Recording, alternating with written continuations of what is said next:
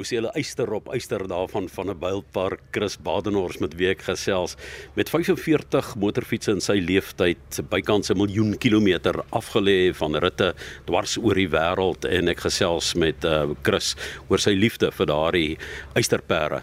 Chris, wanneer 'n mens nou met 45 motorfietsse gewerk het, kan jy nie almal hou nie. Hulle staan nie daar 'n koppie nog een nog een nog een nie. So vertel vir ons 'n bietjie van die wat die naaste aan jou hart lê. Is daar 'n paar ouers wat jy versamel het en wat jy gehou het en wat vir jou baie spesiaal is?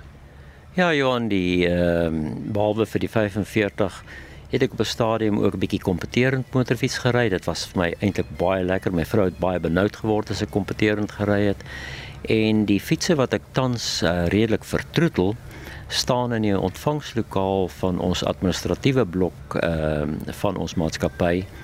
En die vier fietsse is ehm uh, die ouer mense sal dit waarskynlik nog onthou, is 'n 50cc item, dis eintlik wat ons noem 'n help my trap. Dis in 1954. Dis die een, die tweede een is 'n Bergmeister 350cc Bergmeister wat uit Duitsland kom en dan die die die derde fiets is was my eerste superfiets of die soos hulle in Engels sê die eerste superbike. Dit was 'n 850cc Suzuki met 'n dryfas, die eerste dryfas fiets wat uit Japan gekom het. Die laaste een is 'n baie interessante fiets. Is 'n enorme swaar fiets, hy weeg oor die 400 kg.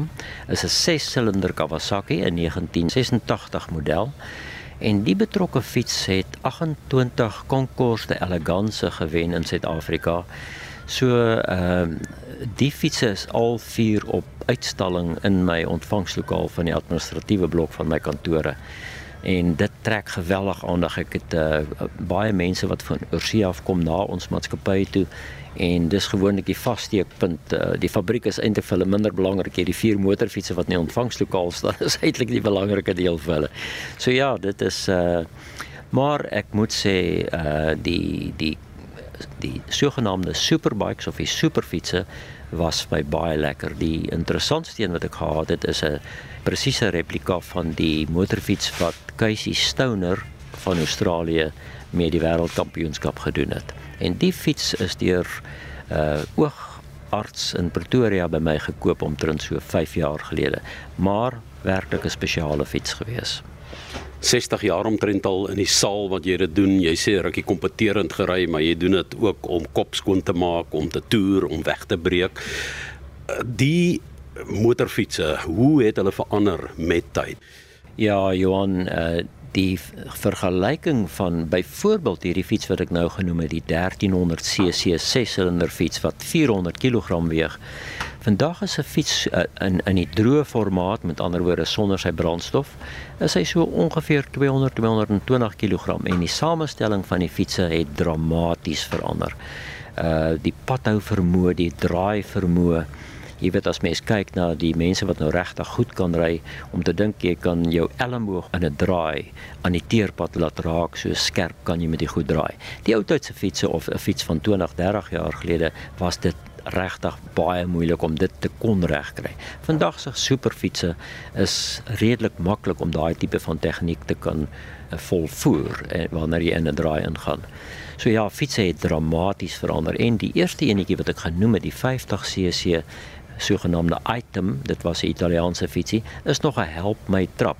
So hy het nie 'n aanskakelaar uh, gehad nie. Jy moes die dingetjie trap soos 'n fiets en dan jy die koppelaar gelos en dan die dan die engine begin vuur en dan het jy nou gery. Dramaties verander.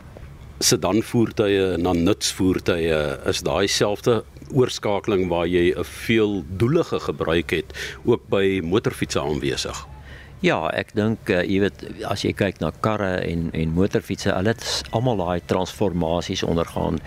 Ek kan onthou jare gelede het ek 'n uh, uh, sogenaamde 328 Ferrari gekoop. Dit was my eerste Ferrari gewees en dit was as ek nou vandag kyk na hoe lyk hy en hoe ry hy, jy kan vandag met 'n klein Volkswagen Golf kan jy daai 328 Ferrari weggery het en dis dramaties het dit goed verander en vandag se Ferraris is 'n heeltemal 'n ander klas en uh totaal modern, totaal gesofistikeerd en uh, baie elektroniese komponente waar die ou goed was 'n blou draad en tang tipe van voertuig gewees.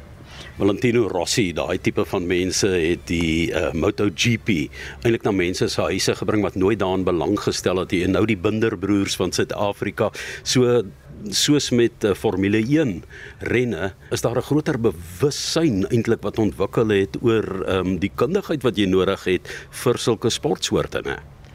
Johan, ek dink um, ek het vir Valentino Rossi op drie geleenthede sien ry en as jy daai mense sien ry Ek dink nie hulle het 'n bangaar op hulle kop nie en ehm um, maar hulle is uiters talentvol en jy weet dis as mens terugdink aan die uh, sanggroep ABBA wat 6 dae van 'n week 8 ure spandeer het om hulle songs op te neem.